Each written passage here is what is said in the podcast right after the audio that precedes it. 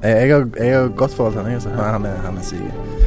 Han, Jeg tar dere imot, dere får kaffe. Nå mista jeg lyden i høretelefonene. Der kom de tilbake. Ja. Ja, det er hyggelig å være her. Jeg er glad i, i podkast som fenomen. Jeg må ut. hjemme mot Lyngen Karnes gikk de på et litt leit 0-19-tap eh, Oh. her. Hvilken det- divisjon snakker vi? Er det tredje eller fjerde? Fjerde, fjerde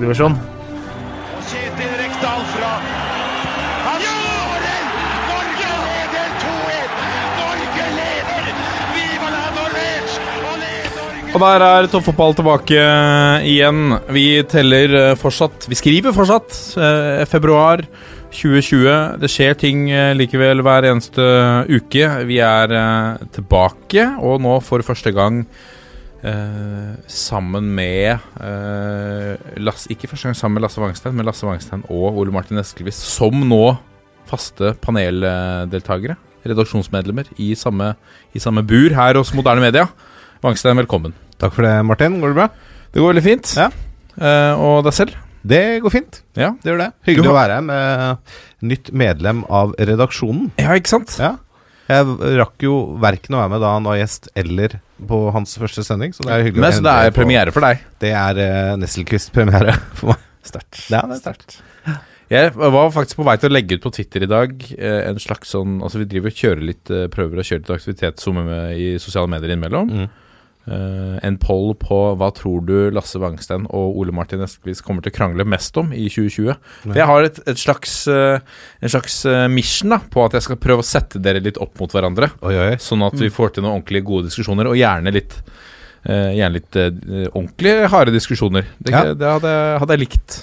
Hva tror du vi kommer til å krangle mest om? Nei, jeg vil oppfordre lytterne til å, til å Lag en poll, da. Jeg skal lage en poll på hva folk tror. Jeg kan, kan ikke lage en poll, men oppfordre de til å sende inn, kanskje. Ja, Eh, hvis du skulle gjette det. Ja, men da legger jeg føringer. gjør jeg ikke det? Ja, det er, det er viktig. ja er. Ikke legge føringer. Jeg dropper det. Ja. Ja. Ole Martin, jeg kjedelig. Ole Martin, velkommen tilbake. Tusen takk. Det er også stas å være her nok en gang. Ja, og det den, den andre av mange ganger i eh, 2020.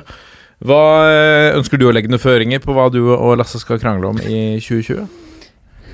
Jeg fikk umiddelbart en ganske klar idé om hva det kan være, men jeg vet ikke om jeg skal si det, da. For uh, da kan jo hende folk blir litt prega av det. Det får nesten du avgjøre. Som, Ja, jeg syns du skal si det, altså. jeg, jeg, jeg tipper at vi kommer til å ha for, forskjellig syn på mediehåndtering en rekke ganger. Eh, jeg som trener og han som mediemann, så Ja. kan jo det bli eh, interessant. Og det er jo alltid treneren som har rett i den type diskusjoner, så um, kan jo diskutere, og så var det Brian Clough sa. Kan krangle og kra- krangle, og så bli enige om at jeg sitter med fasiten til slutt. Ja. Og det, det er jo en sånn treners lodd i livet, å ha den selvtilliten. altså, jeg tror jeg skal jobbe godt med å ha møtt en fotballtrener som ikke tror at de kan håndtere det meste, og vet det meste om det meste. Ja. Men den, den følelsen er basert på erfaring. Ja, ja, ja klart. Så det, Utelukkende, ja, utelukkende. erfaring. eh, Det har jeg jo skjønt, selvfølgelig. Nei, så det Du har nok, kan nok være inne på noe der, altså. At, eh, for det er jo en erfaring jeg også har fra fotballen, at det er jo ikke alltid man er enig med hva en trener verken sier eller gjør, og det er ikke alltid treneren er enig i hva man foreslår fra en kommunikasjonsavdelings ståsted, da. Så kanskje man finner en gyllen middelvei, eller av og til så er det løse kanoner som løper rundt der òg. Det er gøy, det òg, da. Men vi skal jo innom en, eh, skal innom en sak i dag som har versert i norsk presse en stund, eh, men ikke en navngitt spiller, som nå er navngitt som eh, Babakar Sar i, i, Mm. i Molde. Hvor jeg så flere som har etterlyst norske mediers søkelys på Ole Gunnar Solskjær. Så kan du kaste den tilbake til deg, om at burde ikke pressen være litt mer på her, eller er de for redde til å er de for redde for å bli boikottet på Carrington? Ja, det er jo et veldig betimelig spørsmål, for den tanken har jeg tenkt også. Eh, hvorfor har ikke norsk presse turt å pirke mer borti Ole Gunnar Solskjærs vurderinger på bruken av denne spilleren, da? Eller Moldes vurderinger. Altså, de har jo prøvd, men eh, de møter jo bare stengt dør. Og jeg er veldig lite fan av sånn stengt dør-taktikk. Eh, i, sånn fra et kommunikasjonsståsted. Eh, nå var det noen på forbundskontorene som eh, uttalte nådeløs åpenhet. Det er dumt å uttale det hvis ikke du klarer å etterleve det, sånn som NFF vel ikke har klart til enhver tid heller. Men det er noe med det å på en måte gi, du må eh, prøve å gi noe. Eh, og så er det måten du håndterer en gitt sak på. Nå sier jeg ikke at det, alt som er gjort i Babakar-saken er feil fra Molde sin side. Uh, det, er, det er mange fasetter av den saken der som sannsynligvis ikke vi vet om heller, som gjør det vanskelig. Men det er noe med hvordan saken blir fremstilt. Uh, og den, det blir forsterka av hvordan Molde har håndtert det, og hvordan Ole Gunnar Solskjær har håndtert det når han har svart på sakene. Så ja. Vi skal komme litt tilbake til det uh, senere i sendinga. Det kan bli en, en uh, bra diskusjon. eh, det. Vi har selvfølgelig om et lite øyeblikk ukens tulipan og kaktus. I pulsen skal vi se litt på hva som skjer i Trondheim. Vi har aktivitet som skjer på Åråsen, både i form av video og gamle spillere som ønsker seg tilbake.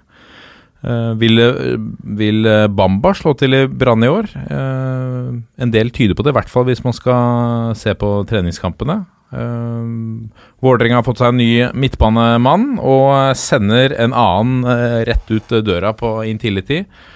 Uh, og vår kjære venn Endre Kupen syns at Sogndal frister. Det blir spennende å se. Og så har vi fått inn en haug med lyttspørsmål som vi skal ta mot slutten. Nå må de faen meg skjerpe seg, så kommer jeg å rive hodet av hver enkelt av dem.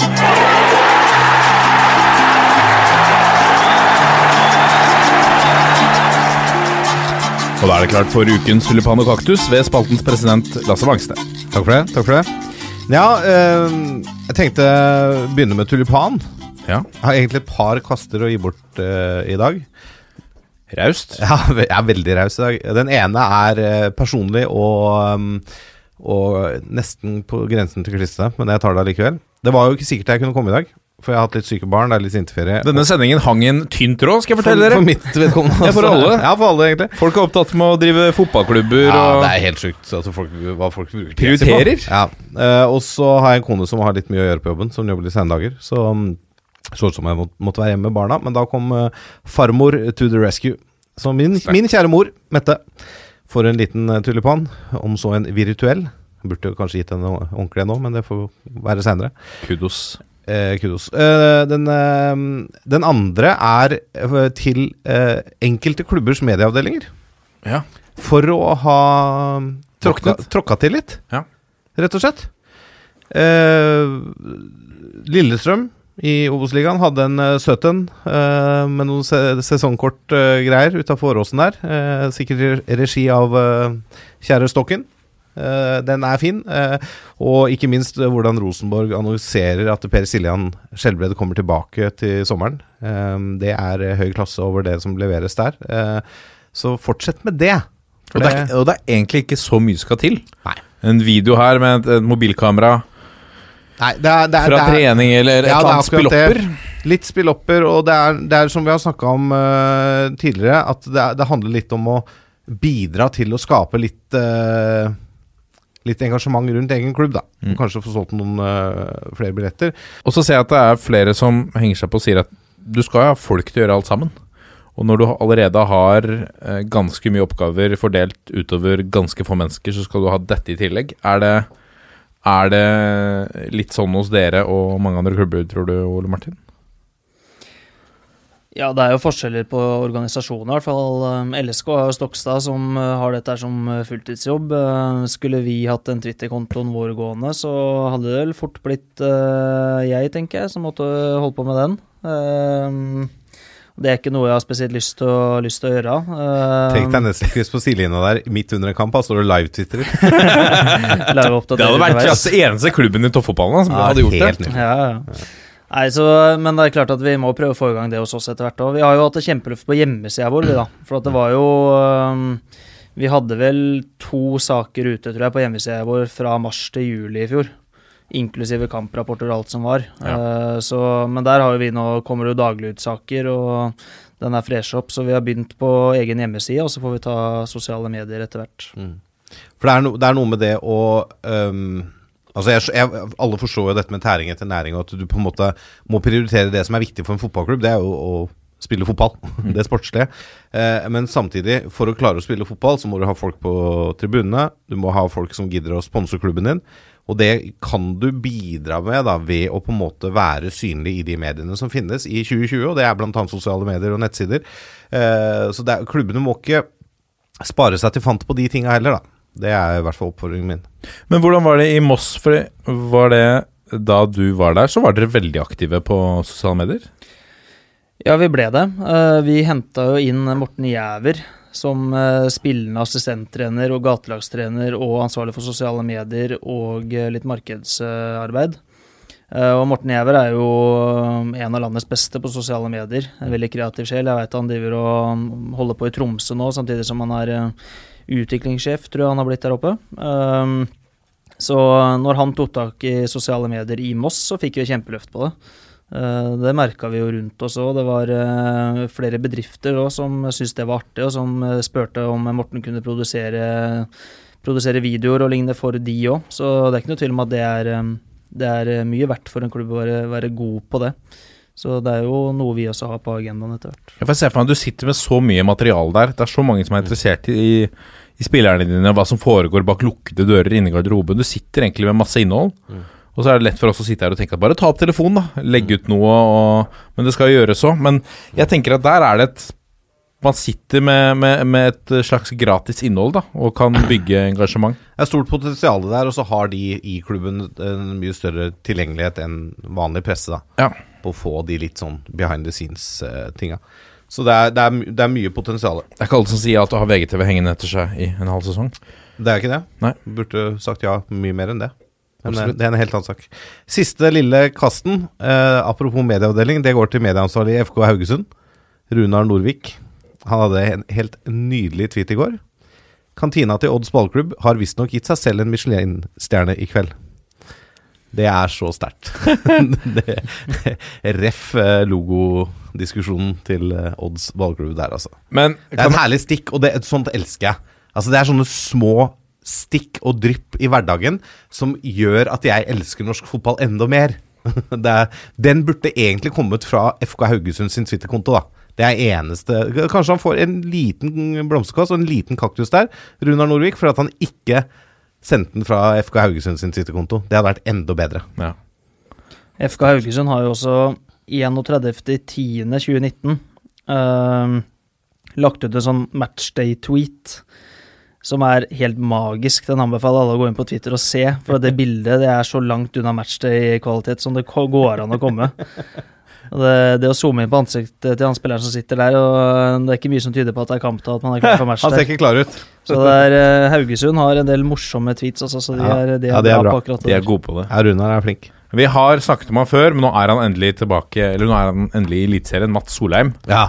For et ja. forbilde, et unikum på, på Matzello, Insta. som Arnar Samarazon kaller han. Ja, ikke sant? Official understrek Mats understrek Solheim. Bare gå inn og lik det. Uh, bli en av 22 500 andre. Men den siste nå han har Han har et par nå fra treningsleiren deres, annet der han beveger seg som en mark på flyplassen i Frankfurt. Tapt veddemål, eller? Profesjonell fotballspiller, han, i Eliteserien. Ja, deilig.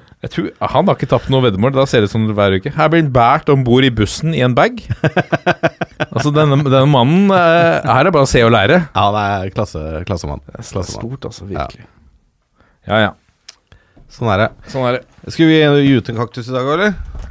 Ja, det hadde blitt overraska hvis ikke Ja. Eh, og det er det Jeg gir ikke ut en kaktus fordi at vedkommende nå ikke har jobb.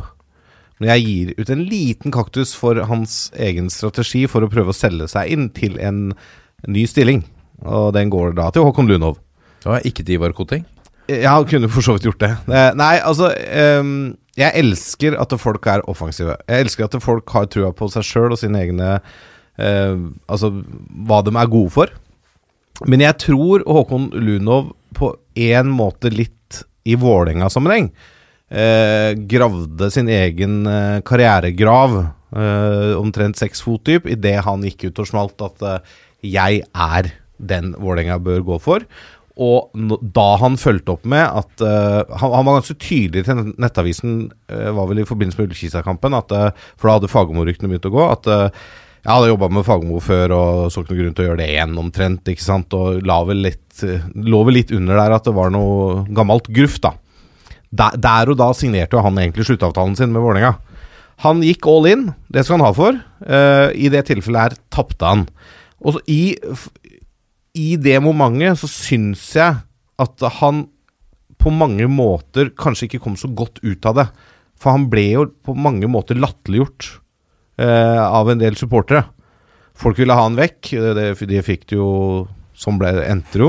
Men altså jeg forstår Håkon Luno veldig godt, og som jeg sier, eh, bra med offensivitet og alt det der. Men jeg tror, hvis han hadde noe mål om å fortsette å jobbe i Vålerenga, så burde han ha valgt en litt annen taktikk eh, og en litt annen retorikk, da, på en måte. Men eh, Så det, det, blir, det blir ikke en sånn kjempesvær eh, ørkenkaktus der, altså. Det blir en liten, liten kast der òg, men eh, eh, på, på, Ja.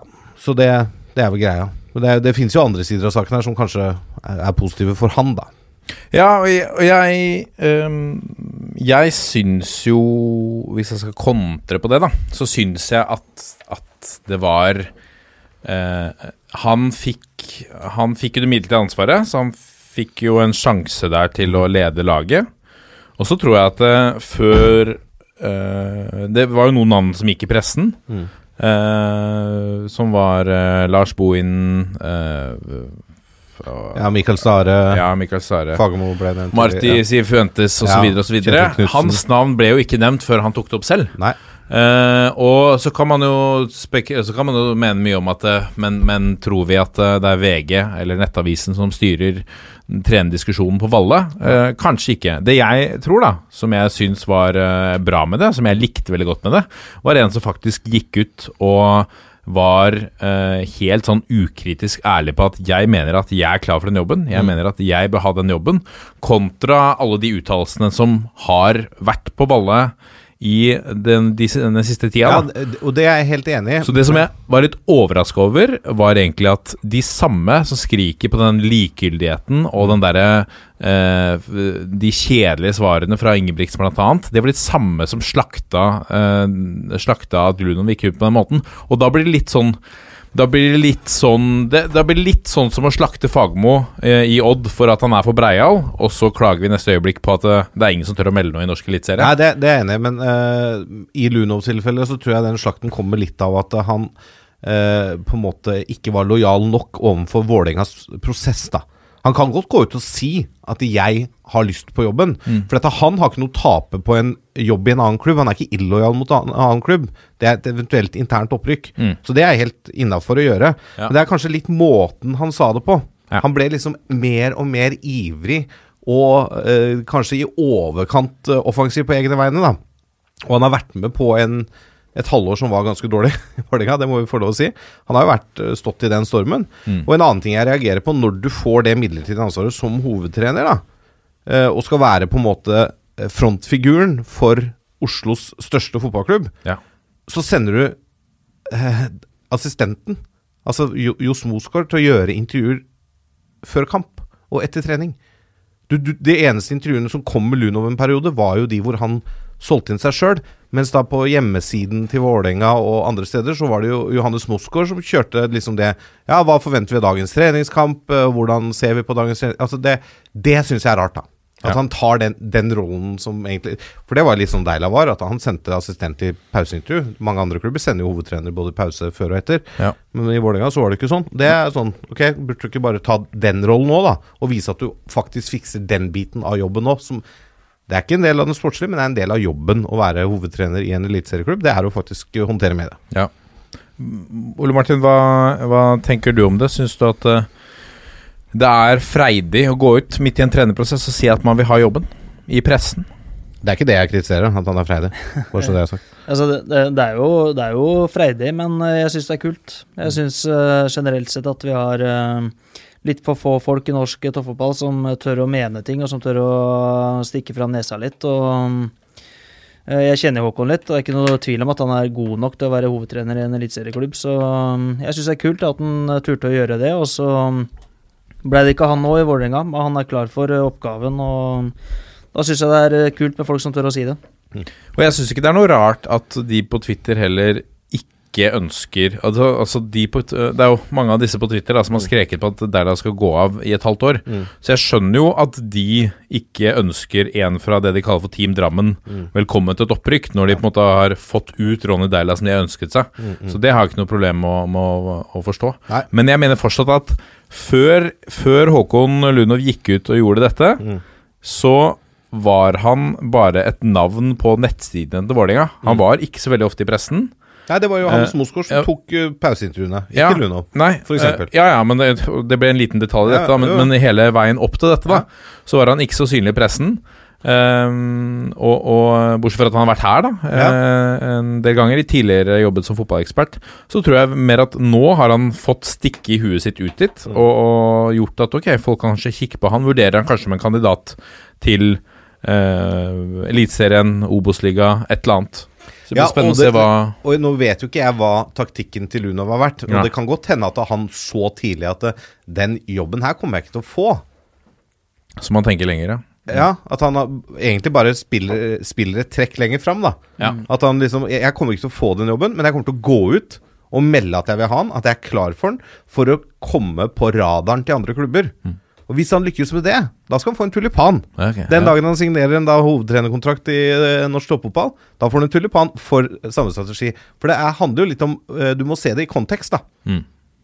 Og det, Kaktusen kommer i konteksten Vålerenga. At uh, jeg syns han kjørte Han kjørte all in, da. Det er ikke alltid Det er en gambling. Det er alltid en gambling å kjøre all in. Mm. Og no, her i Vålerenga-sammenheng så mislykkes han. Ja. Så Ja. Men, men de som kritiserer Lunov, de må jo være enig i at det er bedre å ha en som tør å gå all in, og som tør å stå for det, Mm. enn en som svarer ingen kommentar. Ja, ja, det er jo helt enig. Så, Altså, det er så ikke engasjementet blir jo positivt fordi at vi har folk som faktisk tør å være ærlige. Ja, og så genererte den at folk gadd å snakke om Vålerenga igjen. Mm. Og brydde seg om Vålerenga. Ja, så man skapte jo litt eh, Ja, ja. Så alt det er, trafikk alt det er bra. og Så det, her også er det litt sånn Runar Norvik, da. Det er mest litt kaktus, litt tullevann. Men eh, eh, for, eh, for eh, hvis ønsket var da å bli hovedtrener i Vålerenga, så tror jeg kanskje hadde valgt litt annen taktikk. Kakk tulipan. Kakk tulipan. Nå kommer pulsen. Og Da er vi kommet til pulsen, og vi begynner pulsen med den samme diskusjonen som vi hadde litt i innledningen her. Som jo nå verserer eh, litt på Twitter, fordi jeg stilte jo det spørsmålet, Rasse. Lasse. Er eh, Det er flere, annet eh, vår kjære venn Frode Lia på Twitter, som etterlyser medienes søkelys på Solskjærs rolle i SAR-saken. Eh, og, og jeg har sett også at eh, nå har de jo plukket opp eh, Det har vi jo sett flere, men, men de har begynt å plukke opp dette og, og grille han litt på pressekonferanser i United også. Mm. Jeg har sett flere som også eh, drar opp statistikken om at han har signert 19, 19 spillere tilkobla eller tilknyttet Jim Solbakken på toppnivå, som også er hans, eh, en av hans beste kompiser. Som jo også folk syns er litt rart. Um, og så er det jo ikke ulovlig å ha nettverk, men men uh, Odion Igalo nå også er vel representert av Ataneke, som vel også har noen koblinger til Jim Solbakken.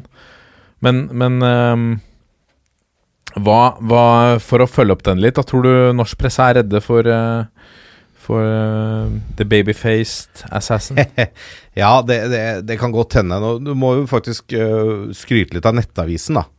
Som har uh, belyst denne saken og, og, gått den i dybden over en stund. For det har vært mye ved den saken her som folk har stussa over. Moldes håndtering, hva som er sant. Hvorfor, hvorfor kvitter Molde seg med en høyt verdsatt spiller som er visekaptein og fast på laget og har to år igjen av kontrakten? Hvorfor øh, avslutter de kontrakten hans gratis, så han kan gå øh, vederlagsfritt til land uten utleveringsavtale? Ikke sant? Så har nå engelsk presse plukka opp dette. Så øh, skryt til redaksjonen der for å ta tak i det. Men det er altså det, Er norsk presse redde for å pirke borti Ole Gunnar Solskjær? Det kan godt hende. Eh, og i det så ligger det også de andre du nevner med uh, agentvennen hans. Altså De har jo drevet business sammen, han og Jim Solbakken. Han har ganske mange spillere på landslaget. Det kan hende at det ligger et fryktbilde der i tilgang på landslagsspillere. Jeg vet ikke, men det kan hende. Jeg har ikke peiling, dette er rene spekulasjoner, altså bare sånn at vi legger det, den død med en gang. Det er kun ralling fra min side. Men det kan hende at det ligger en form for et fryktbilde der på at eh, dere mister tilgang på den og den og den. i forbindelse med landslag hvis dere stiller kritiske spørsmål om den saken og Ole Gunnar. Og Ja. det, det er ikke noe tvil om at eh, Det har jo vært tilfeller tidligere hvor Solskjær har nekta eh, journalister Eller nekta å snakke med journalister fordi de har skrevet kritisk om han. Josimar var vel personen han non grata på Aker stadion fordi de skrev kritiske artikler om Jim Solbakken. Eh, og da var Molde eneste klubben i Eliteserien som ikke stilte opp til eh, intervju i forkant av da Josemars Eliteserien spesial et år. Ikke sant? Og det, det viser jo litt det, hvilken makt en fotballtrener kan ha, da. Eh, jeg syns det er rart at eh, Eller jeg forstår på en måte at United fjerner den delen av pressekonferansen hvor han blir stilt spørsmålene. Eh, jeg skjønner at Er det ikke eh, en form for sensur, da? De Det legger jo- det bak eh, betalingsmur, så det er på en måte ja, men De la det ikke bak betalingsmur, de klippa det bort. Jeg la det ikke på Manu TV bak betalingsmur. Jeg lurer på det om de klippa bort den biten, var det noen som sa. Jeg, okay. Men jeg har ikke tilgang på Manu TV, så det, det vet jeg ingenting om. Skjønner.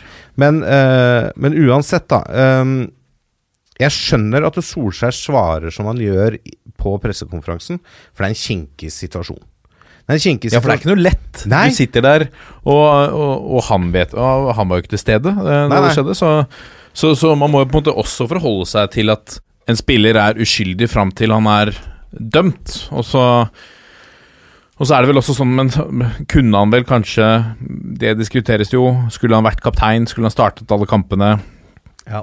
Eh, samtidig så lå det vel et element der at hvis han plutselig ble satt ut av laget, så skjønte alle umiddelbart hvem det var. Så var det et slags vern om personen også oppi det hele. Jo da, og det, jeg, jeg, jeg ser den, men altså alle visste jo ganske Eller mange visste ganske tidlig hvem det var snakk om. Ja, i hvert fall etter hvert. Ja, etter hvert. eh, Og da blir det på en måte sånn Hvor lenge skal du late som at vi Det kan være hvem som helst. Ja. Ikke sant?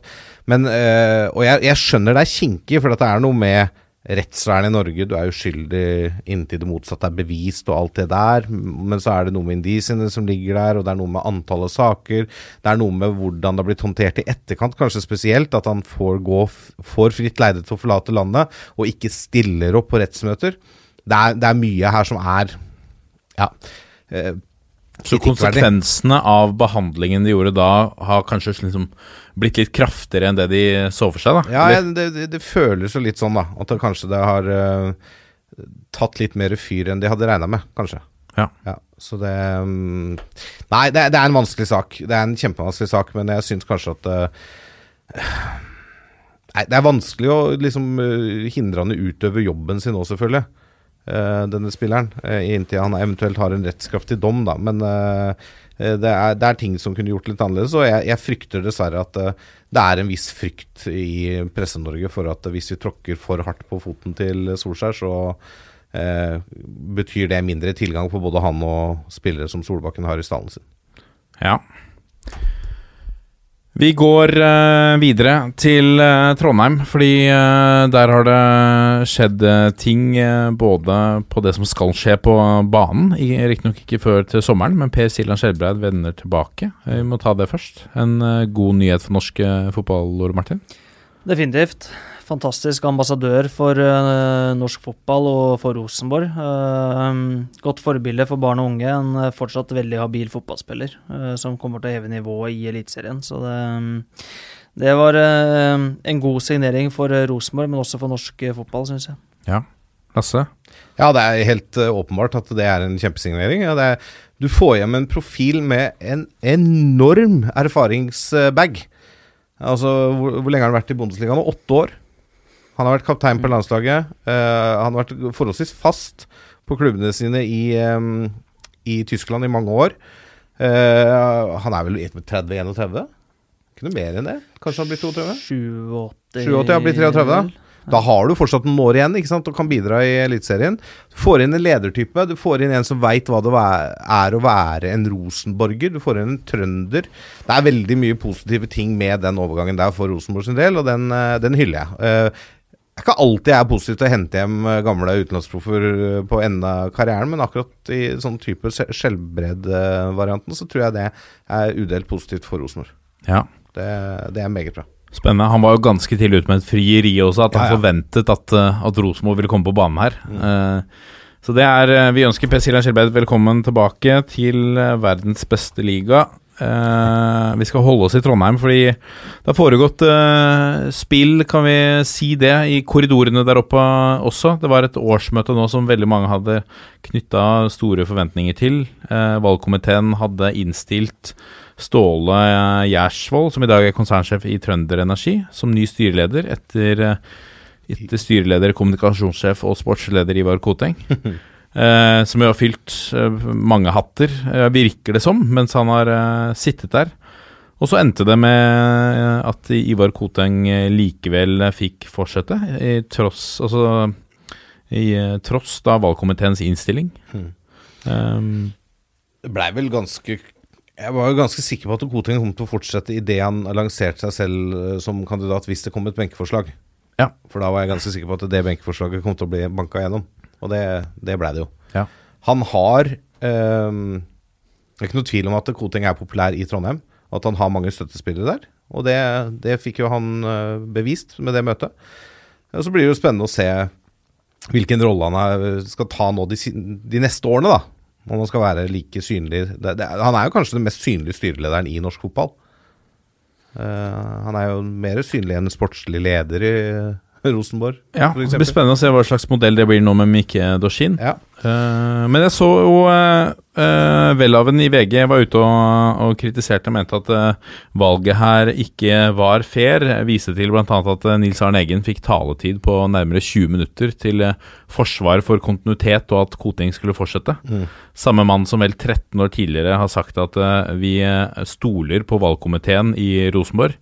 Så har han gått helt imot. Altså Med all respekt for eh, en av, eh, om ikke den største legenden i norsk eh, klubbfotball. Men eh, er dette helt rent trav, da?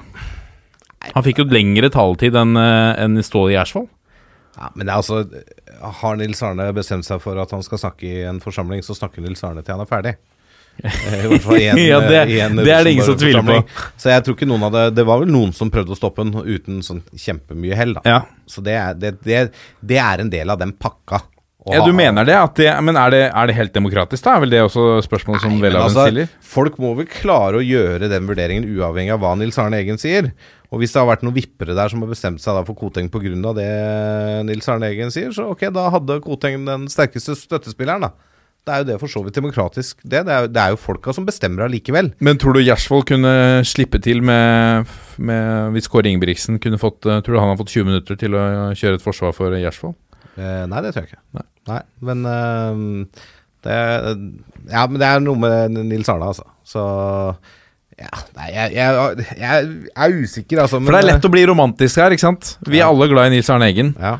Eh, og alle lytter, alle holder kjeft. Mm. Inkludert altså ordstyrer her, som fikk beskjed om at uh, han eh, spurte Siste når Nils. Ja, siste bussen går halv ett. Ikke sant? Han bare avvæpner den fullstendig. Ja, ja. Men han, det blir jo litt feige lag når det er to mann som snakker for Koteng, og én mann som snakker for Gjersvold, og det er Gjersvold selv. Ja da. Det, jeg er enig i det, altså. Men det er jo Det er jo litt sånn det fungerer i sånne årsmøter, det da. At folk taler sin sak, og noen er mer taletrengt enn andre, og noen får lov til å tale mer enn andre. Ja. Uh, så. Men en annen ting som er positivt til Rosenborg, er jo at uh, Pål André Helland etter mye spekulasjoner i dag har signert ny kontrakt. Absolutt. Det er jo hyggelig for han, og sannsynligvis hyggelig for, uh, for Rosenborg òg. Ja, for kanskje de har funnet Det var vel litt knute på tråden her mellom han og og godeste Horneland, så det kan tyde på at de har funnet ut av det. Det er jo en trønderprofil, da. Ja. Jeg tror det er Og viktig. viktig for de å signere om de skulle sende han ut av døra. Og så har de mista Kintola. Det, det er jo på en måte litt ledig plass på kanten der. Og hvis han klarer å finne fram til uh, formen for et par år siden, så er jo han en klassespiller i Eliteserien. Ja. Det er ikke noen tvil om. Alltid ledig i krysset. Alltid ledig i krysset. Hvordan foregår eh, styremøtene i Strømmen, eh, Ole Martin? Er det, eh, går det fredelig for seg? Årsmøte? Ja, det vil jeg tro. Det var vel et årsmøte for noen år siden som uh, var litt uh, Uh, ja, litt annerledes stemning på, med uh, eventuelt trenerskifter og litt sånne ting. Men uh, Hva skjedde? Føler du at årsmøtet, eller hadde årsmøtet mye makt?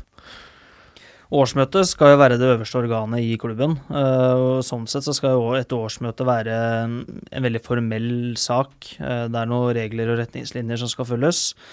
Som eh, åpenbart ikke ble gjort da, eh, på årsmøtet til Rosenborg. eh, Men det der er vanskelig, for at det er Nils Arne Eggen er jo gud i Trondheim. Det er som Lasse sa i stad, hvis han vil prate lenger, så gjør han det. Så det er det er vanskelig, vanskelig sak, det der, men jeg tror vel heller ikke at det nødvendigvis var helt avgjørende for det valget. Jeg tror folk er ganske selvstendige, og det er nok ikke sånn at alle gjør som Nils Arne Eggen sier fortsatt, nødvendigvis.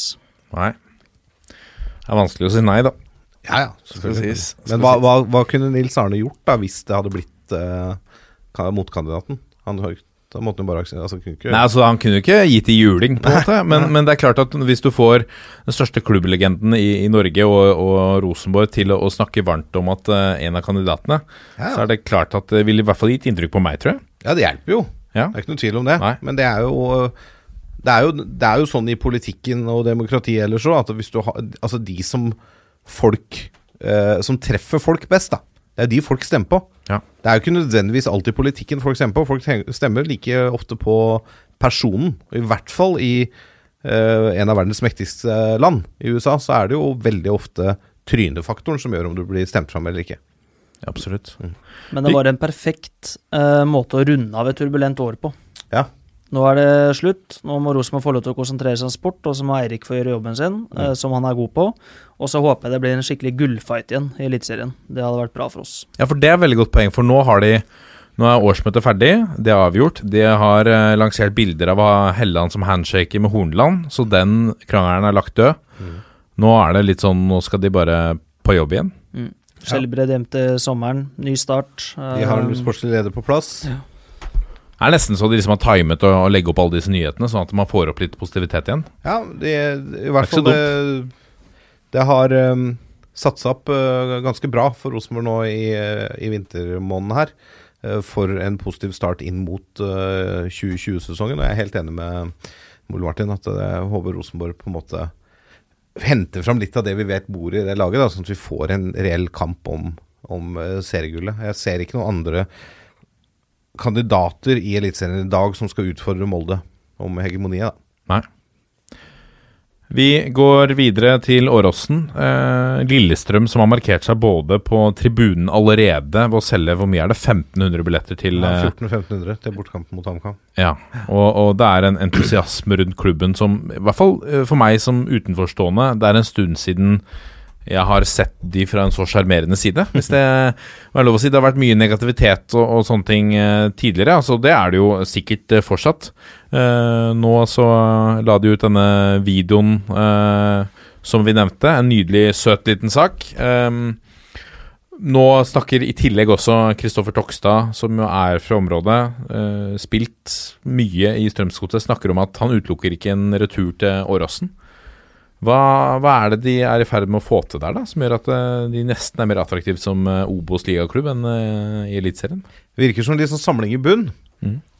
At ja, nå Det her skal vi dra sammen. Da, nå har de i mange år ligget liksom og kjempa med ryggen mot veggen og flere år hvor folk har tenkt nå, nå rykker de det. Og i år, eller i fjor, da, så skjedde det. Nå blir det Obos. Nå er det ikke den, det laget som har vært eh, lengst på rad i Eliteserien lenger. Det har ikke det å strekke seg etter lenger. Nå, nå er eneste som gjelder nå, er å komme seg opp igjen. Eh, så det, det- det virker som det er liksom mobilisering i og rundt Lillestrøm, og det tror jeg vi trenger. At Lillestrøm får noe tid til å på en måte resette, og så komme tilbake som et norsk lokomotiv. Jeg tror det hadde vært bra for norsk fotball, og for interessen. Du Ole Martin, Vil du ha Lillestrøm i Obos-ligaen, eller vil du helst ha at de går opp? Her er det jo flere aspekter. Det er jo sikkert Dere tjener godt både interessemessig og økonomisk på at de er i samme liga. På den annen side så slåss dere vel kanskje litt også om de samme spillerne i nærområdet, eller? Nei, det gjør vi egentlig ikke. For økonomisk er ikke vi i nærheten av LSK. Og på yngres avdeling så er vi heller ikke i nærheten av LSK, så de, de, de har førsteretten der. Ehm, Jeg tenker det er bra for norsk fotball at LSK er et godt eliteserielag. Og jeg tenker det er bra for norsk fotball å ha Vålerenga og LSK som et derby i Eliteserien.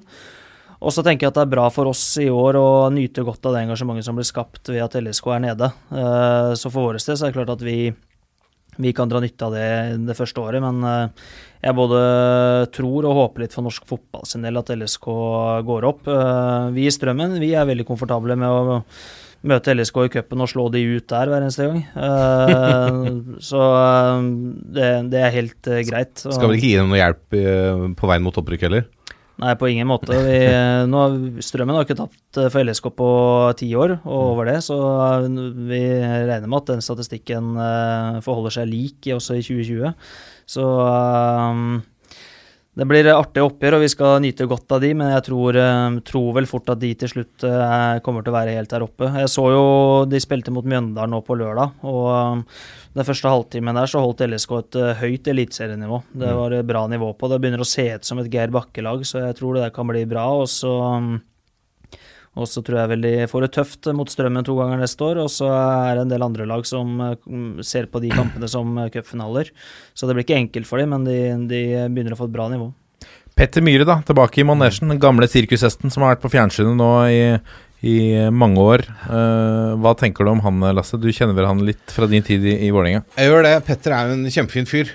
Og er jo fra området. Uh, så Altså, jeg Og Petter og Geir Bakke kjenner hverandre godt. Er gode kompiser. De tror jeg fungerer godt sammen. Det, det tror jeg er et kjempeteam for, for å ta Lillestrøm opp igjen.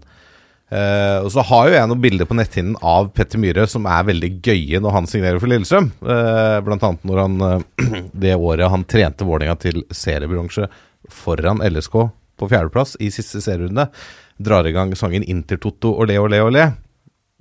Som da var egentlig et stikk til Lillestrøm sin eh, tribunesang, og at Lillestrøm da skulle få lov å spille Intertoto, ikke Europacup. Uh, men det er jo selvfølgelig Det handler jo igjen om uh, situasjonen du er i. Da var han i Vålerenga, så det er helt naturlig at han uh, drar i gang den. Men nei, altså jeg tror Lillestrøm har gjort veldig fornuftige signeringer på trenerbenken. Det tror jeg styrker Lillestrøm nå. Eh, bra for Lillestrøm å få den lokale tilhørigheten på trenerbenken også. Få inn noen som vet hva Lillestrøm betyr for Skedsmo, ikke sant? Eh, For det området der. Eh, Det tror jeg er viktig. Eh, Og så har de jo mye gode spillere fortsatt, mener jeg.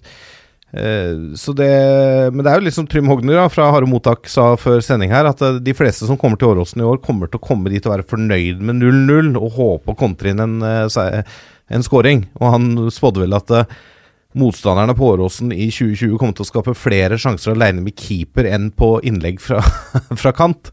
Og det kan man få mye rett i. Det er tøft å være den store favoritten. Det er tøft å være laget alle skal slå. Det er det ikke noen tvil om. Men jeg tror Lillesund kommer til å håndtere det. Ja. Og jeg håper det. Det har vært fornuftig, og når du først skal starte på bunn, så har du henta folk som har vært i Strømmen IF, og det er en eh, god måte å gjøre det på. Det er, Så, det er en bra start. Definitivt. Vært både i Strømmen og Vålerenga. Mm, Ja, det er, faktisk. Vi går videre til et annet lag i gult og sort, Bodø-Glimt, eh, som eh, nå for tre dager siden slo eh, Godset 5-0. Der skåra vår kjære venn Endre Kupen et av målene, men nå ryktes det at han er på vei tilbake til eller tilbake til Sogndal. Han var vel i Sogndal? nei, eh, han er i Førde. Stemmer det. Ja, han var i Førde. Det er helt Eller Florø. Nå Florø. Florø er riktig. Beklager. Florø. Det er lett Flore. å ta feil her, altså. Han, Han var i Florø. han var toppskårer i Florø, gikk Ja. dit uh, i 2017. Det å ta feil mellom Førde og Florø, det er upopulært. Ja, det er Ja, kjempebra. det er- jeg tror ikke vi scorer noen poeng jeg legger meg nå, altså. paddeflat, eh, for jeg vet jo at Martin ikke gidder å klippe ut her. Nei, nei, det skjer ikke. Men jeg legger meg paddeflat. Ja, ja. Det er uh, svakt av meg seint på kvelden. Ja. Men nå er han altså Han har gått mye skada. Eh, han har aldri, vi har aldri fått se han få det virkelige gjennombruddet i Bodø-Glimt. Nå skårer han her. Det er litt synd, da, er det ikke det? Om, om han skal nå gå ned et nivå uten at vi liksom få får se han smake på det. Det er litt bedre plass også på det Bodø-Glimt-laget i år, vel, enn det var i fjor. Jo, men jeg tror det er fornuftig. Altså, det er, det er tilbake til hjemfylket. Ja. eh, Vestland. Eh, det er Altså, det er jo han Boniface som er på en måte første førstemann på spissplassen i Bodø-Glimt. Det er ikke sikkert det ser ut som det blir veldig mye spilletid på Coopen i Eliteserien heller. Men kan det ikke funke på en kant, da? Ja, men jeg tror han funker be bedre på, På topp? Ja. Jeg tror det. Mm. Så Nei, jeg, jeg syns egentlig det høres ut som en fornuftig signering av Sogndal, og en, et fornuftig valg av Coopen eventuelt, jeg, da. ja. Nå er han ikke klar ennå. Nei da, Men, hvis det eh, blir. Ja. Mm. Har du noe erfaring med Endre Kuppen, eh, Ole Martin? Han spilte mot oss i cupen i fjor. Eh, så jo litt på han inn mot den matchen. Han er jo en god spiss, det viste han jo i, i Florø også. Eh, god avslutter. Han var jo maks uheldig med skaden når han gikk til Glimt. Så det kan godt hende det er fornuftig å ta et steg ned igjen for så å komme opp igjen. For han, foran mål så holder han eliteserienivå. Eh, så tror jeg i 4-3-3 så må han spille spiss, alternativt spille én av to spisser i, eh, i eh, 4-4-2 eller noe, noe annet. Um, men eh, Sogndal, eh, som Lasse er inne på, litt, eh, litt nærmere hjem igjen, finne litt trygghet, komme seg tilbake etter skade. Det kan være eh, veldig fornuftig, det. Og um, i Obos-ligaen så er jo han en sterk signering, det er ikke noe tvil om det. Men uh, apropos treningskamp, da. Det blir jo litt sånn déjà vu, det her. For eh, Bodø-Glimt slo vel Godset 5-0 i fjor òg? Ja, det kan godt stemme.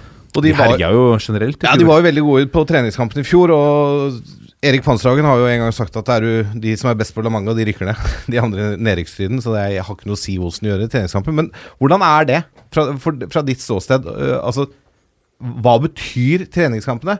Uh, har det noe å si å tape 5-0 eller vinne 5-0 mot en uh, divisjonskollega, da, sånn som Bodø-Glimt-godset-tilfellet her? Jeg tror alt handler om uh, hvordan du som eh, gruppe håndterer det. Um, og da enten Uh, altså Hvis du taper 5-0, så må du jo få gruppa til å håndtere det på en god måte og ikke grave seg ned, ikke miste selvtillit nødvendigvis. Hvis du vinner 5-0, så handler det jo kanskje om å fortsette å holde gruppa på tæra. Mm. At, du, at du ikke lar de ta av. Uh, og det er jo um, jeg synes Det er vanskelig med treningskamper å finne noe fasit på det. Jeg har sjøl vært med på begge deler. Tapt nesten alle treningskampene og så gjort det ganske bra. Vunnet mange treningskamper og gjort det dårlig. Mm. Uh, så jeg, jeg syns det der er, er eh, vanskelig å finne noe fasit på. Men det viktigste med treningskamper er jo at du ser progresjon på det du trener på. Mm. Uh, og så lenge du gjør det, så, så vil du jo på mange måter være fornøyd med treningskampene. Men hvor lett er det å se, sånn som i Mjøndalen-tilfellet, som taper 5-1 Mm. mot Obos-ligaklubben eh, Lillestrøm nå i en treningskamp. Hvor lett er det å se progresjon, eller se det du ønsker å trene på i en sånn kamp? Er det ikke lett å bli blenda av et så negativt resultat? Definitivt. Uh, og det er jo eh, kan jo være vanskelig. Det kjente jeg sjøl på i helga. At uh, vi, vi tapte jo 3-2 mot Skeid uh, i det som var en dårlig fotballkamp. Eh, og, og da Det er fort gjort at frustrasjonen over resultatet og over det som ikke fungerer, overskygger det som faktisk fungerer til en viss grad. Eh, og det, det der kan være vanskelig. Ehm, så er det jo Nå blir jo kamper filma, du får sett ting i ettertid, men jeg tror som trener så tror jeg det er viktig at du er så konkret som mulig, både med spillere og, og med deg selv og teamet ditt, på hva det er du har jobba med, hva er det du ønsker å se progresjon på, og hvordan ønsker du at, eh, at spillerne skal håndtere de forskjellige fasene. Og så ta utgangspunkt i det, og så får resultatet være resultatet i, i treningskamper. Men det er klart at hvis du, hvis du slipper inn fem mål hver eneste treningskamp, så, så vil jo det være en bekymring. Mm, mm. Men er det sånn at du kan gå til en treningskamp og så tenke at eh, Ok, gutta, i dag skal vi øve på det her. I dag vil jeg se dette igjen på banen. Jeg driter i resultatet, jeg driter i hva det ender med, men jeg vil se de tingene her. I dag er det, skal dere ta ut etter kamp. Kan det være en inngang til en treningskamp, eller er det liksom ut og gjøre alt vi har trent på, så kamplikt som mulig, liksom? Eller er- blir det mer mot seriestart? Inntrykket mitt er vel egentlig at det første scenarioet du nevner der, er det som oftest eh, forekommer. Ja. At eh, man inn mot spillergruppa er veldig konkret på, på hva det er du ønsker å se, hva er det vi skal trene på i dag. Og så sørge for at det sitter godt, Mm. eh, og så eventuelt greie å bygge videre på det videre. Eh, Så er det sånn at når man kommer ut i mars, det nærmer seg seriestart, så, så vil du jo eh, Da ønsker du å se en helhet i ting etter hvert. Mm. For da, da begynner det å nærme seg det punktet hvor du ikke bare kan være fornøyd med prestasjon, du skal også vinne kampen. Mm, mm. Og hvis helheten er dårlig da, så, så er det vanskelig å vinne kamper. La oss gå videre til, eh, til eh, Brann. Apropos treningskamper. De feide regjerende svenske seriemester Djurgården av banen med 4-1 nå på lørdag. På tribunen eh, så sto det en gjeng trofaste supportere som har pleid å være med, med Brann på borteturer. De var nå i De var vel i, i, i Dublin i fjor, tror jeg, og så Shamrock Rovers mot, mot Brann i oppkjøringa. Eh, det som var kuriositeten her, at de hadde glemt banneret hjemme. Så de, eh, hva gjør du da som en kreativ supporter? Du trenger noen effekter. Du tar med deg en gardin. De dro i, i, i tøybutikken, kjøpte en rød gardin, hang opp den på tribunen, og det, det var flere som hadde lagt merke til det. Ja. Det viktigste var å ha noe rødt, Ja. tenker jeg. Men um, tilbake til Brann. Det oser jo klasse av den prestasjonen de gjør på, på lørdag der. Altså, det er et sterkt resultat, og så er det jo øh, Det er jo en, en form for en ramme rundt den kampen. Det var ganske bra med folk på tribunen. Det er jo Norge mot Sverige. Og Ja, jo ikke sant? sånn det, var, det, var, det, var litt, det føltes ut som dette var en kamp som det var litt ekstra rundt. Uh, så det er en sterk prestasjon av Brann. Um, og det virker som Det virker som det er litt mer harmoni i Brann nå enn det var for noen måneder siden. Eh, nå tror jeg ikke vi skal legge alt det over på at Berisha har forsvunnet. Men bl.a. at Bamba nå i vinter har sett ut som en million. og det han en han har gjort. Skåra to mål nå på lørdag. ja, det kan ha noe med at kjemien mellom han og Berisha var dårlig. Berisha ville egentlig spille der Bamba spilte på topp, og så ble han dytta ut på kant. og så De hadde jo både offentlig og sannsynligvis eh, ikke så offentlig skittentøyvasker, de to gutta der. Eh, så jeg tror det kanskje har vært en byrde på skuldrene til Bamba som har sluppet, og det, det kan være de prosentene som gjør at han setter de sjansene han i fjor bomma på. da. Ja. Så det er, lover jo godt for Brann, hvis de får han ordentlig i gang til å være den spissen de faktisk betalte 9 millioner for. da. Ja, og nå har han gått ut i, i BT og skrytt av stemningen eh, i Brann. Eh, med det sagt så er det flere som har snust på han i vinter. Hvor viktig er det at Altså, er det aktuelt å selge han nå i det hele tatt? Det er vel ikke så mange vinduer som er åpne akkurat nå, da. Nei, det kan du si. selge den til Sverige eller Tyrkia Nei, Tyrkia har vel stengt nå. Er vel Sverige eller Russland eller borti Asia et eller annet sted, da. Ja, Det er ikke umulig, det heller. Nei da, kanskje MLS òg. Men eh, jeg tror vel ikke Brann er sånn kjempeklare for å selge han nå. For da begynner det å bli tynt. Da begynner det å bli tynt på topp, ja. Og nå er vel en, altså, Det vi ser i vinter nå, begynner å ligne på den Bamba som de kjøpte fra Kristiansund. Ja, jeg syns det. Ja. Det, det. Jeg gjør jo det når han skårer såpass bra med mål. Så, og det er, det er jo primæroppgaven hans. Er jo å skåre mål for Brann. Dette er toppfotball. Så har vi kommet til lyttespørsmål, og vi begynner med et spørsmål fra en av våre ivrigste, eh, største bidragsytere, Vegard Nummerstad.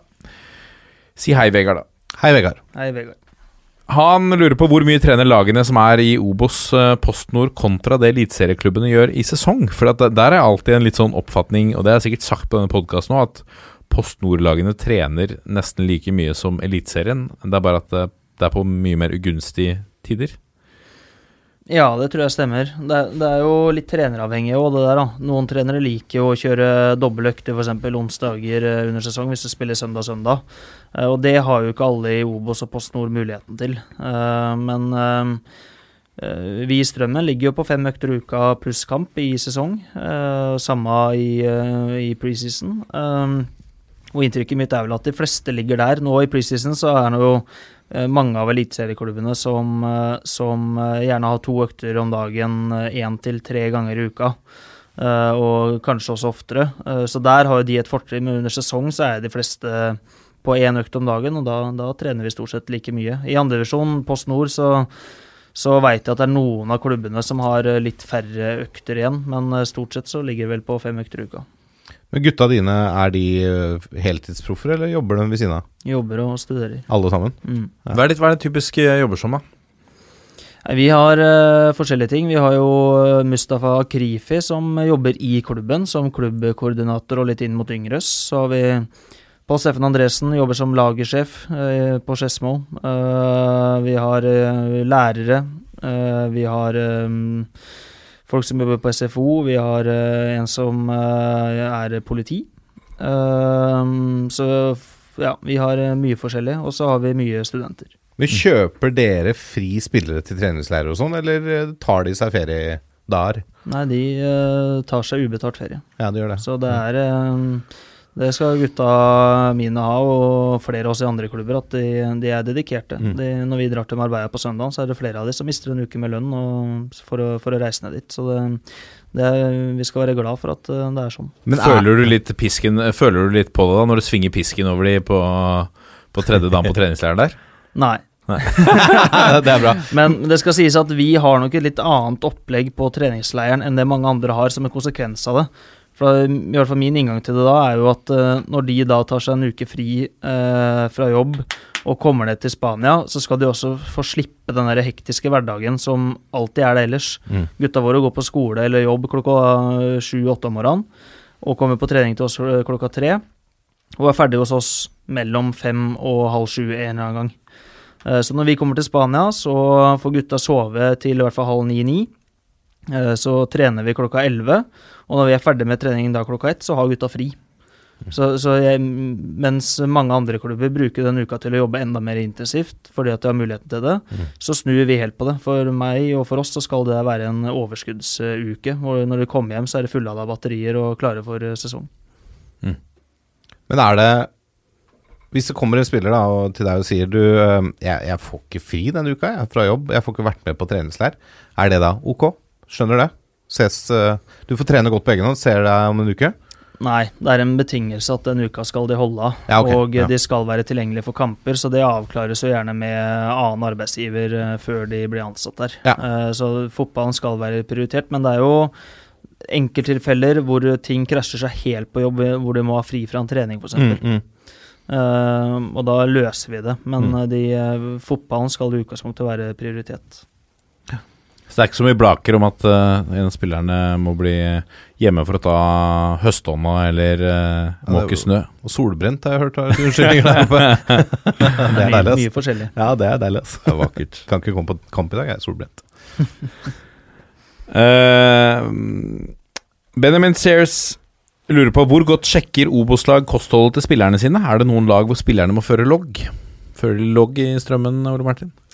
For å ikke logge i strømmen ehm, Jeg er ganske sikker på at det er noen uh, Obos-ligaklubber, eh, da de helproffe, som eh, har eh, eh, jevnlige urinprøver og blodprøver og diverse for å sjekke verdier. Ehm, og som sikkert er ganske tett oppfølging på kosthold. Det er jo flere og flere som eh, henter inn ernæringsfysiologer og eh, ernæringseksperter. Ehm, så det tror jeg er veldig forskjell fra klubb, til klubb. Vi, eh, igjen hos oss, så er på en måte gutta er forholdsvis flinke til det der. Og eh, vi som har gutta tilgjengelig to timer om dagen, så velger vi å prioritere det til å trene fotball og jobbe med den biten, og ikke mm, så mye på kosthold. Men det er klart at vi, vi følger litt med på vekt og sånn. Det, det gjør vi, men det gjør jo alle, og det gjør gutta sjøl òg. Så er, vi har ikke hatt noe problem med det hos oss, og det tror jeg ikke det er så veldig mange andre steder heller. Men jeg tror det er sprik. Jeg tror de helproffe klubbene i Obos-ligaen gjerne er ganske tett på med kosthold òg. mens de som ikke er helproffe, de uh, velger nok ikke å prioritere det i så stor grad. Hva er det verste du har sett da med tanke på vekt etter ferie og sånn? Det er ikke i strømmen. Det er det er altså jeg har jo vært hovedtrener i, i fjerdedivisjon et år med Trossik og tredjedivisjon i to år med Trossik. Eh, det kan ikke sammenlignes på det nivået jeg er i dag, men, men der hadde vi jo noen liksom skremmende eksempler. Men, eh, men, men samtidig, sånn som i Trossik, så spillere i Trossik betalte jo 4000 kroner i året for Ja. å få lov til å spille for oss. Så, så når du da først hadde ferie, så følte jeg ikke at jeg kunne være så streng med det heller. Men så du på vekta, eller så du på T-skjorta? Så du på T-skjorta. vi hadde ikke vekt i Trossik. Men, eh, men uh, enten så så du det på tirsdag, eller så så du når de skifta at de hadde gått fra medium til XL-tøy, og skjønte at de hadde, hadde handla nytt tøy. Så Dere var vel innom uh, eh, noe, noen caser, var det mens du var der? Uh, dere, eh, det gikk i hvert fall rykter om at dere signerte et par spillere med vektklausul. Buelo Mabisela blant annet ble henta, og Altså, det, det Jeg husker da uh, Mabisela kom til Vålerenga, så skulle han spille tidligere Tottenham-spiller. Ja, tidligere Spilt mot United. Ja, og skåra vel et kjempemål. Kan eh, Jeg husker ikke om det var mot United, men uh, han er var jo også kaptein for Sør-Afrika Oh, ja, ja. en periode. Men eh, da han kom på prøvespill i Vålerenga skulle spille en treningskamp inne i Valhall Altså, jeg har aldri sett en trangere Vålerenga-shorts på en A-lagsspiller. Altså, Siden Pascal Simpson. Ja, siden Pascal Simpson. Eh, og da, jeg trodde helt seriøst at det var noe sånn der, et, noen som hadde vunnet en konkurranse eller noe sånt, som skulle få noen minutter. Liksom. Altså, det var bare sånn, Hva er det her for noe? Ja, det var, det var veldig rart.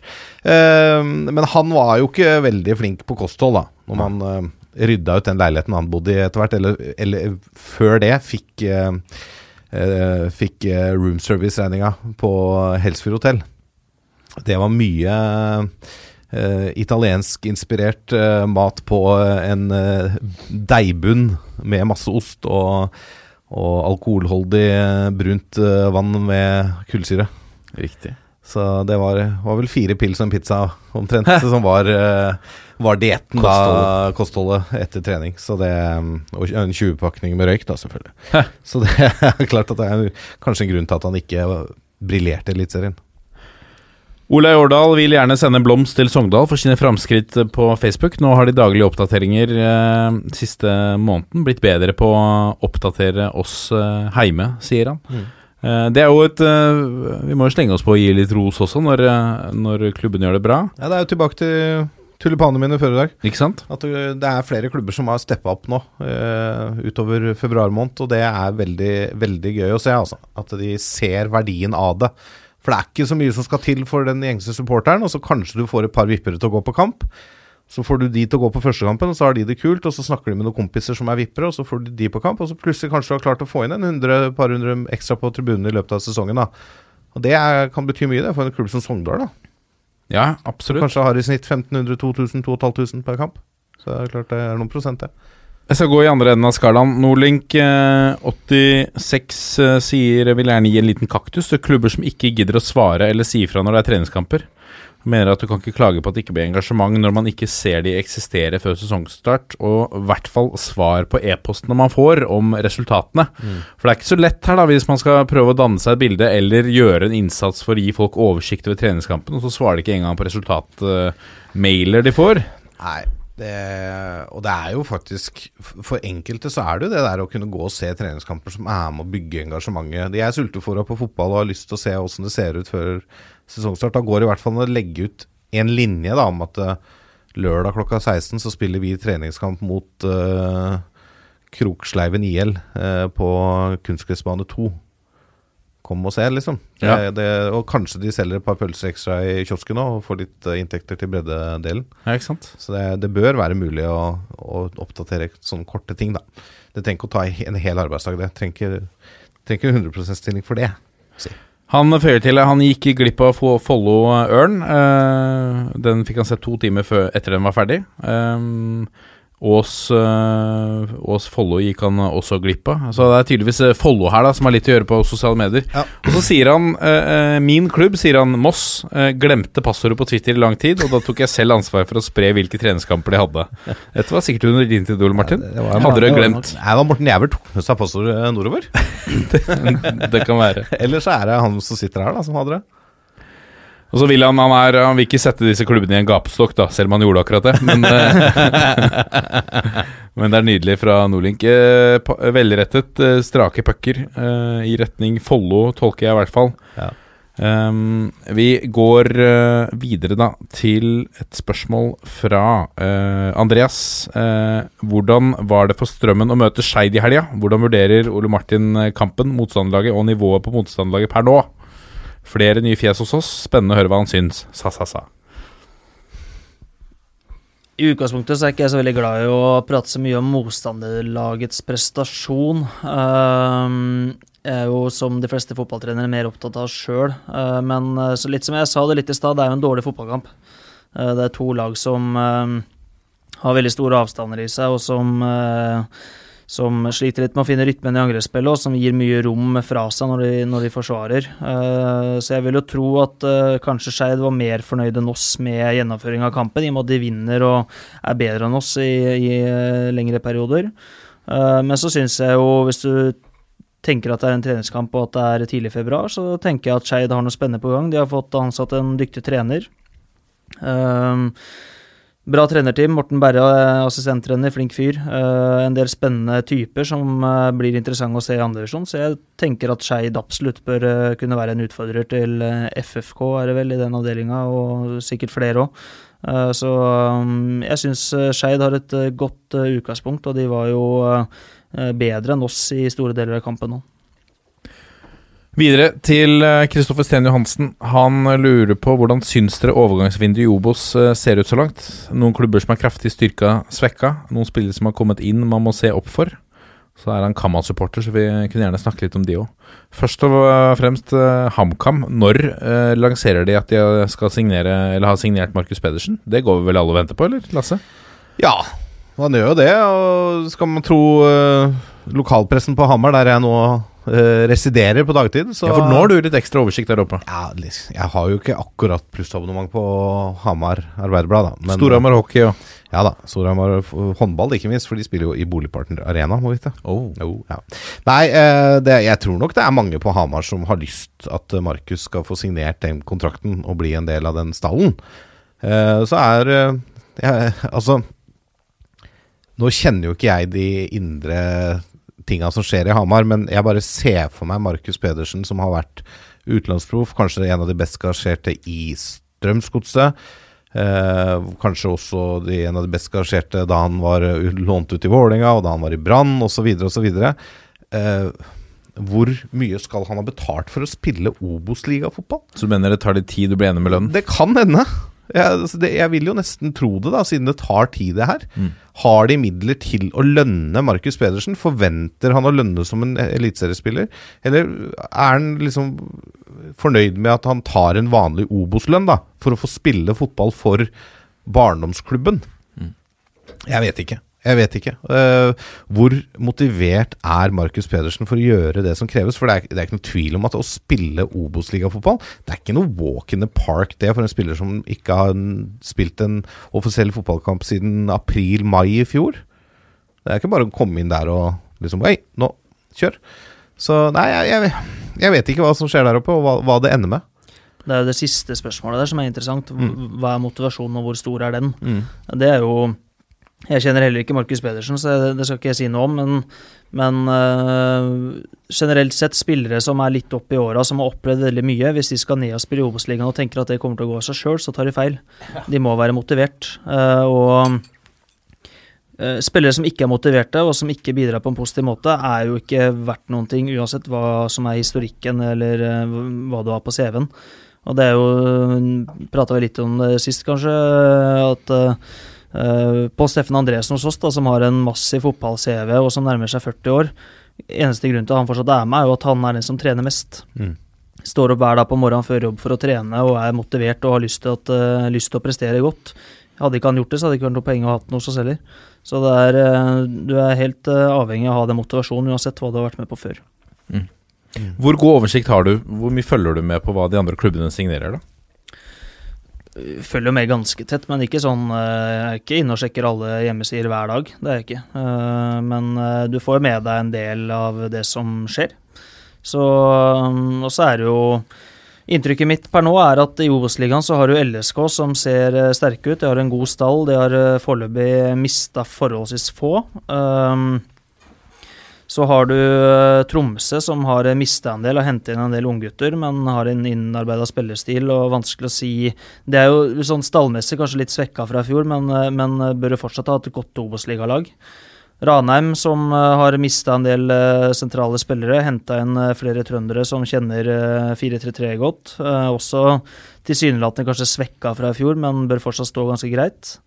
Um, og så syns jeg egentlig bak det så er ting eh, veldig åpent. Eh, Det er eh, mange klubber som har mista en del sentrale spillere, og så er det mange klubber som har henta inn mye nytt som er vanskelig å definere nå, om det er bra eller om det er dårlige signeringer. Vi er blant de. Vi, vi har selvfølgelig troa på at de gutta vi har signert, er, er bra, og har som alle andre stor tro på det vi driver med på den tida her av året, men fasiten sitter jo med i, i november. Eh, så jeg ville sagt at eh, vi blant annet er i den kategorien at det er, det er spennende å se.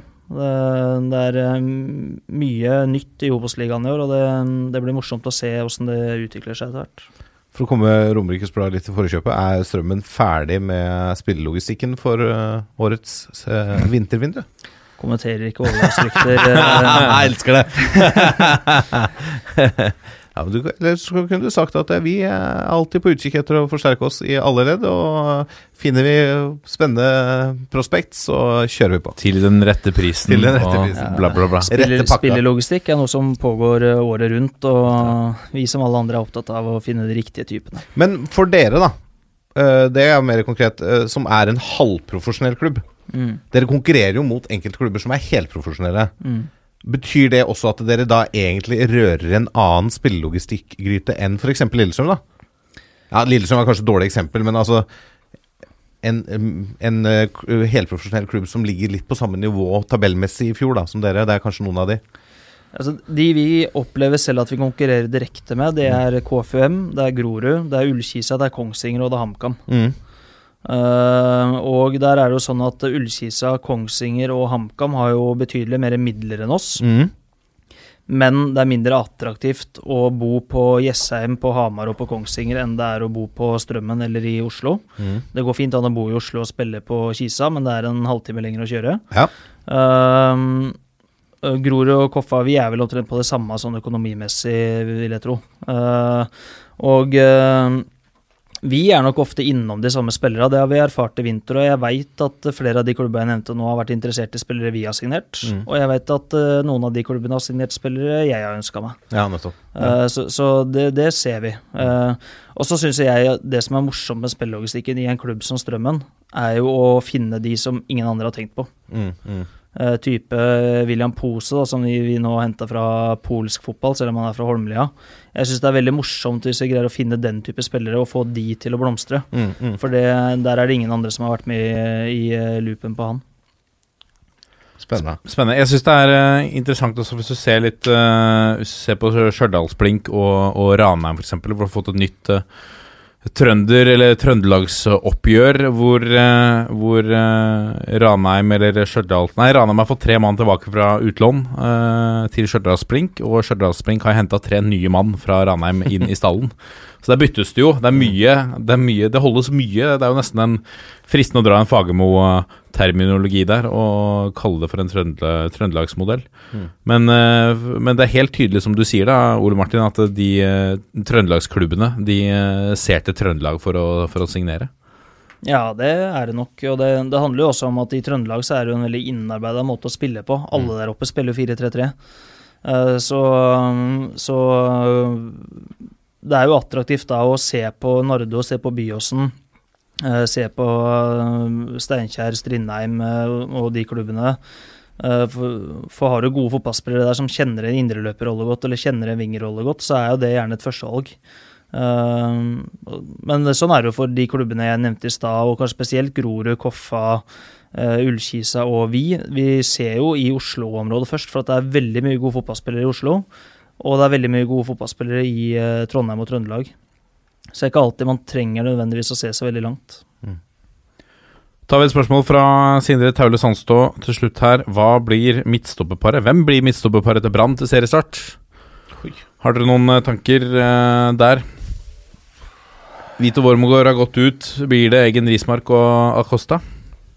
Ja, der er jeg veldig usikker, for det, uh, Acosta har vel uttalt at han ønsker en ny stoppersjef. Ja, Det har vi snakket om, ja. Ja, og Da sier han vel strengt tatt at uh, Eggen Risbakk er ikke en mann han ser for seg å spille så mye med. Så hvor mye har han å si?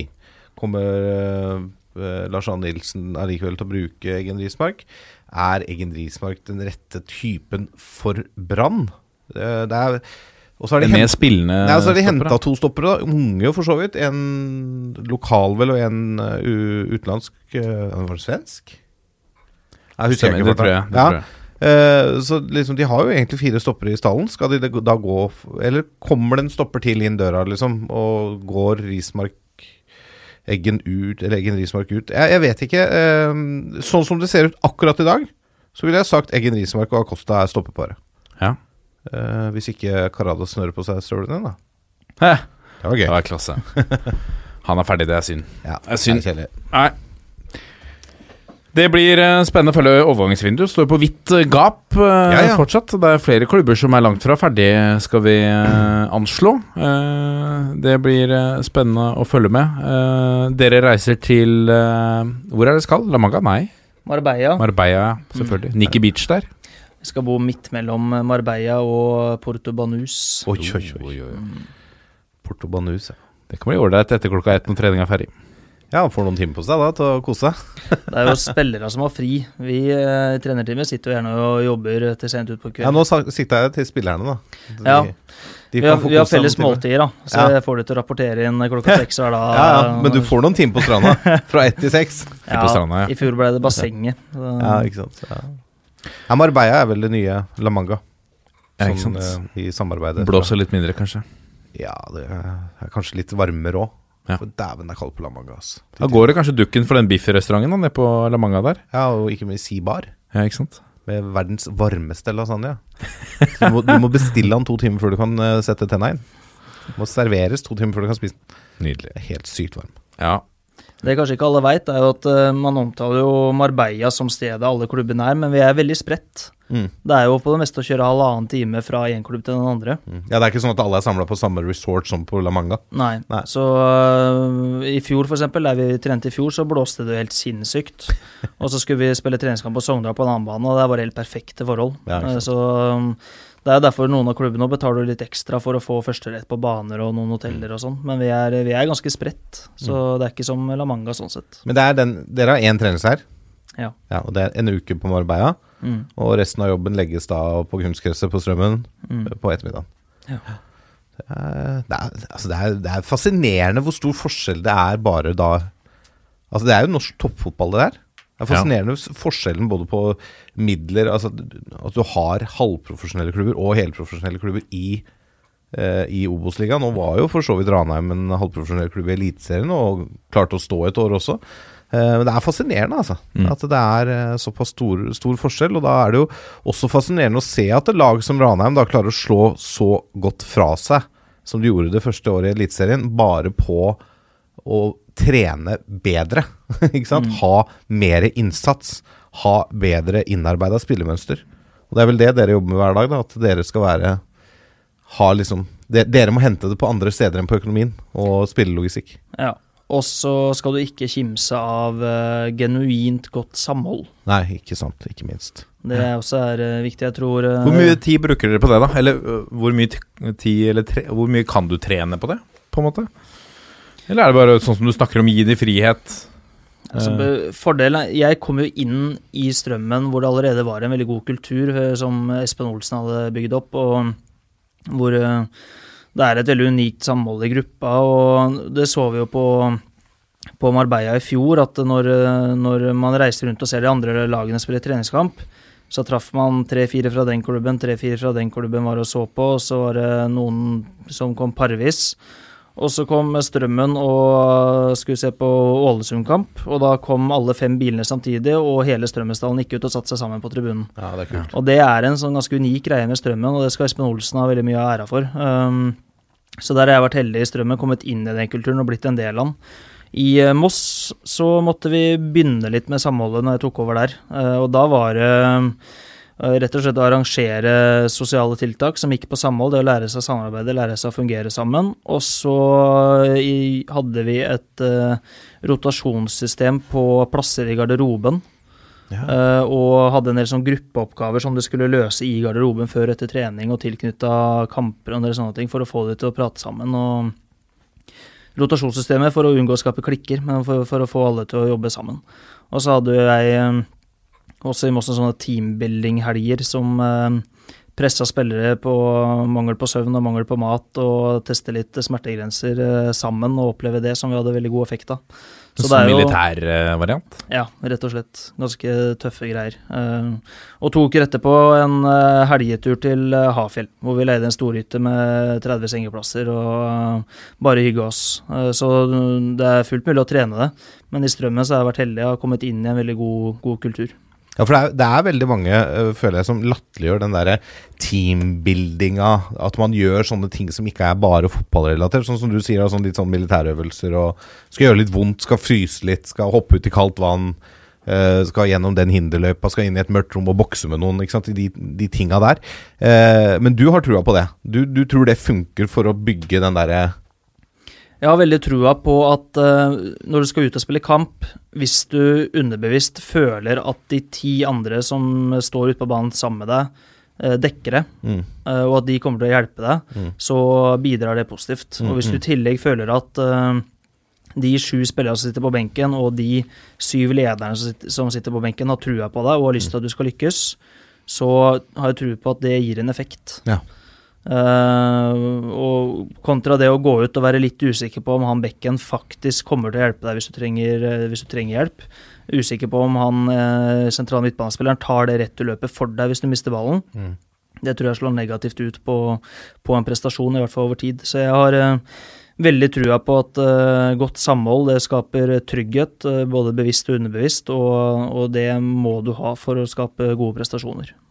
Og så er det vel noe annet å samles rundt. Også det å være underdog, da. Å samles rundt det å være underdog, underdog som går på at, at man ønsker altså Hadde vært en del av Ranheim, da, å sitte på benken der og se at liksom bare Shit, vi har rykka opp. Ikke, vi har ikke vunnet i Obos-ligaen, vi har rykka opp. Og nå spiller vi ball i hatt med Rosenborg her.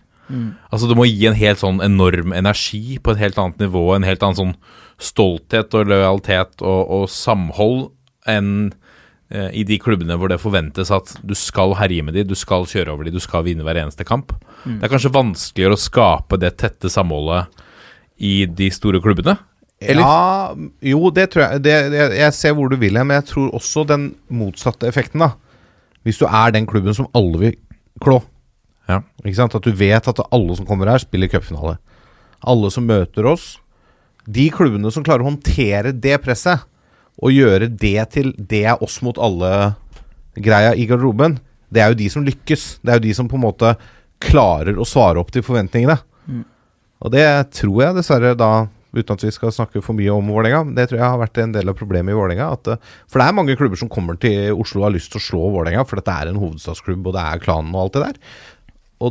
Ikke klart å håndtere det presset. da. At, Eller i Trondheim. eller, ja, men Trondheim altså, Eller i Bergen. de, Jeg syns jo de De har siste klart det sesongen, da. Jo, jo, det er klart, men jeg, i Trøndelag har de jo klart det ganske bra. Hvis du ser over de siste 35 åra i norsk fotball, da, Ja. så må vi jo kunne påstå at uh, Rosenborg har klart klart uh, favorittstempel ganske greit. Ja. Ja. Så tror jeg de miljøene som ofte lykkes, både på internasjonalt toppnivå og norsk toppnivå, det er de miljøene som trigges av å lykkes sammen. Ja.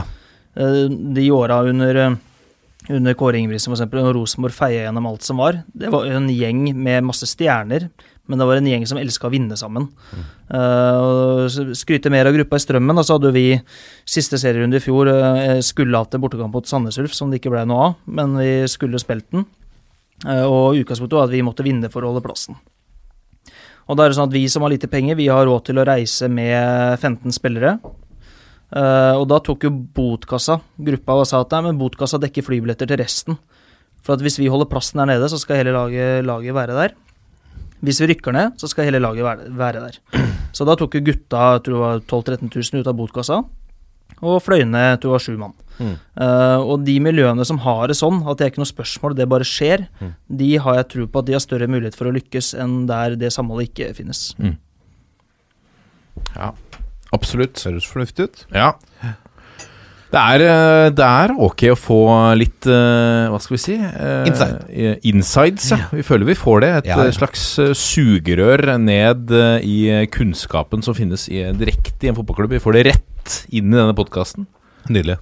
Det er fint. Nei, det er veldig fint. Nå skal han jo på treningsleir, da. Ja. Skulle vi lagt inn en treningsleir òg, kanskje? Altså, Hvis det er noen som vil sende oss til Marbella, kan vi bli med ned og dekke Vi kan kan jo dekke strømmen 24-7 da på Marbella. vi kan tilby oss det. Hvis Det hadde blitt god podkast. Ja, ikke sant? Det er ikke noe å lure på.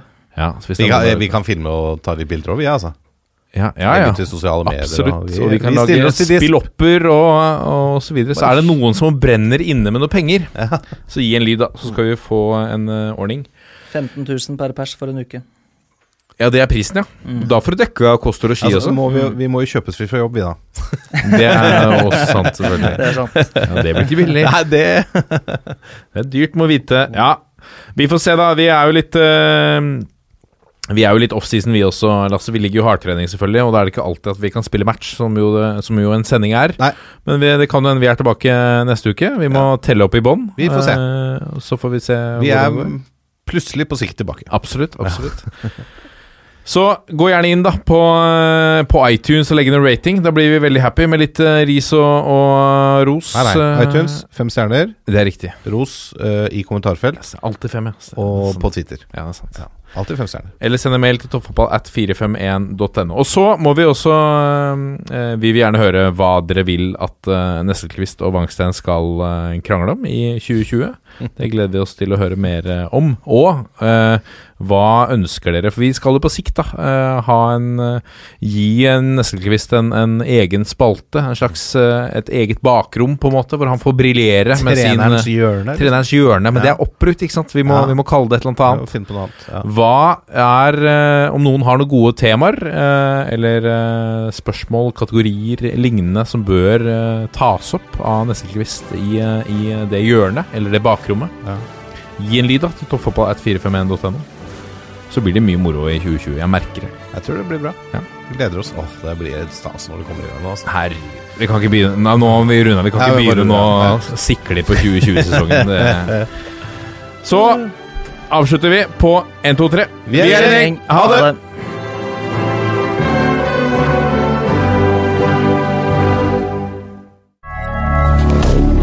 Moderne media.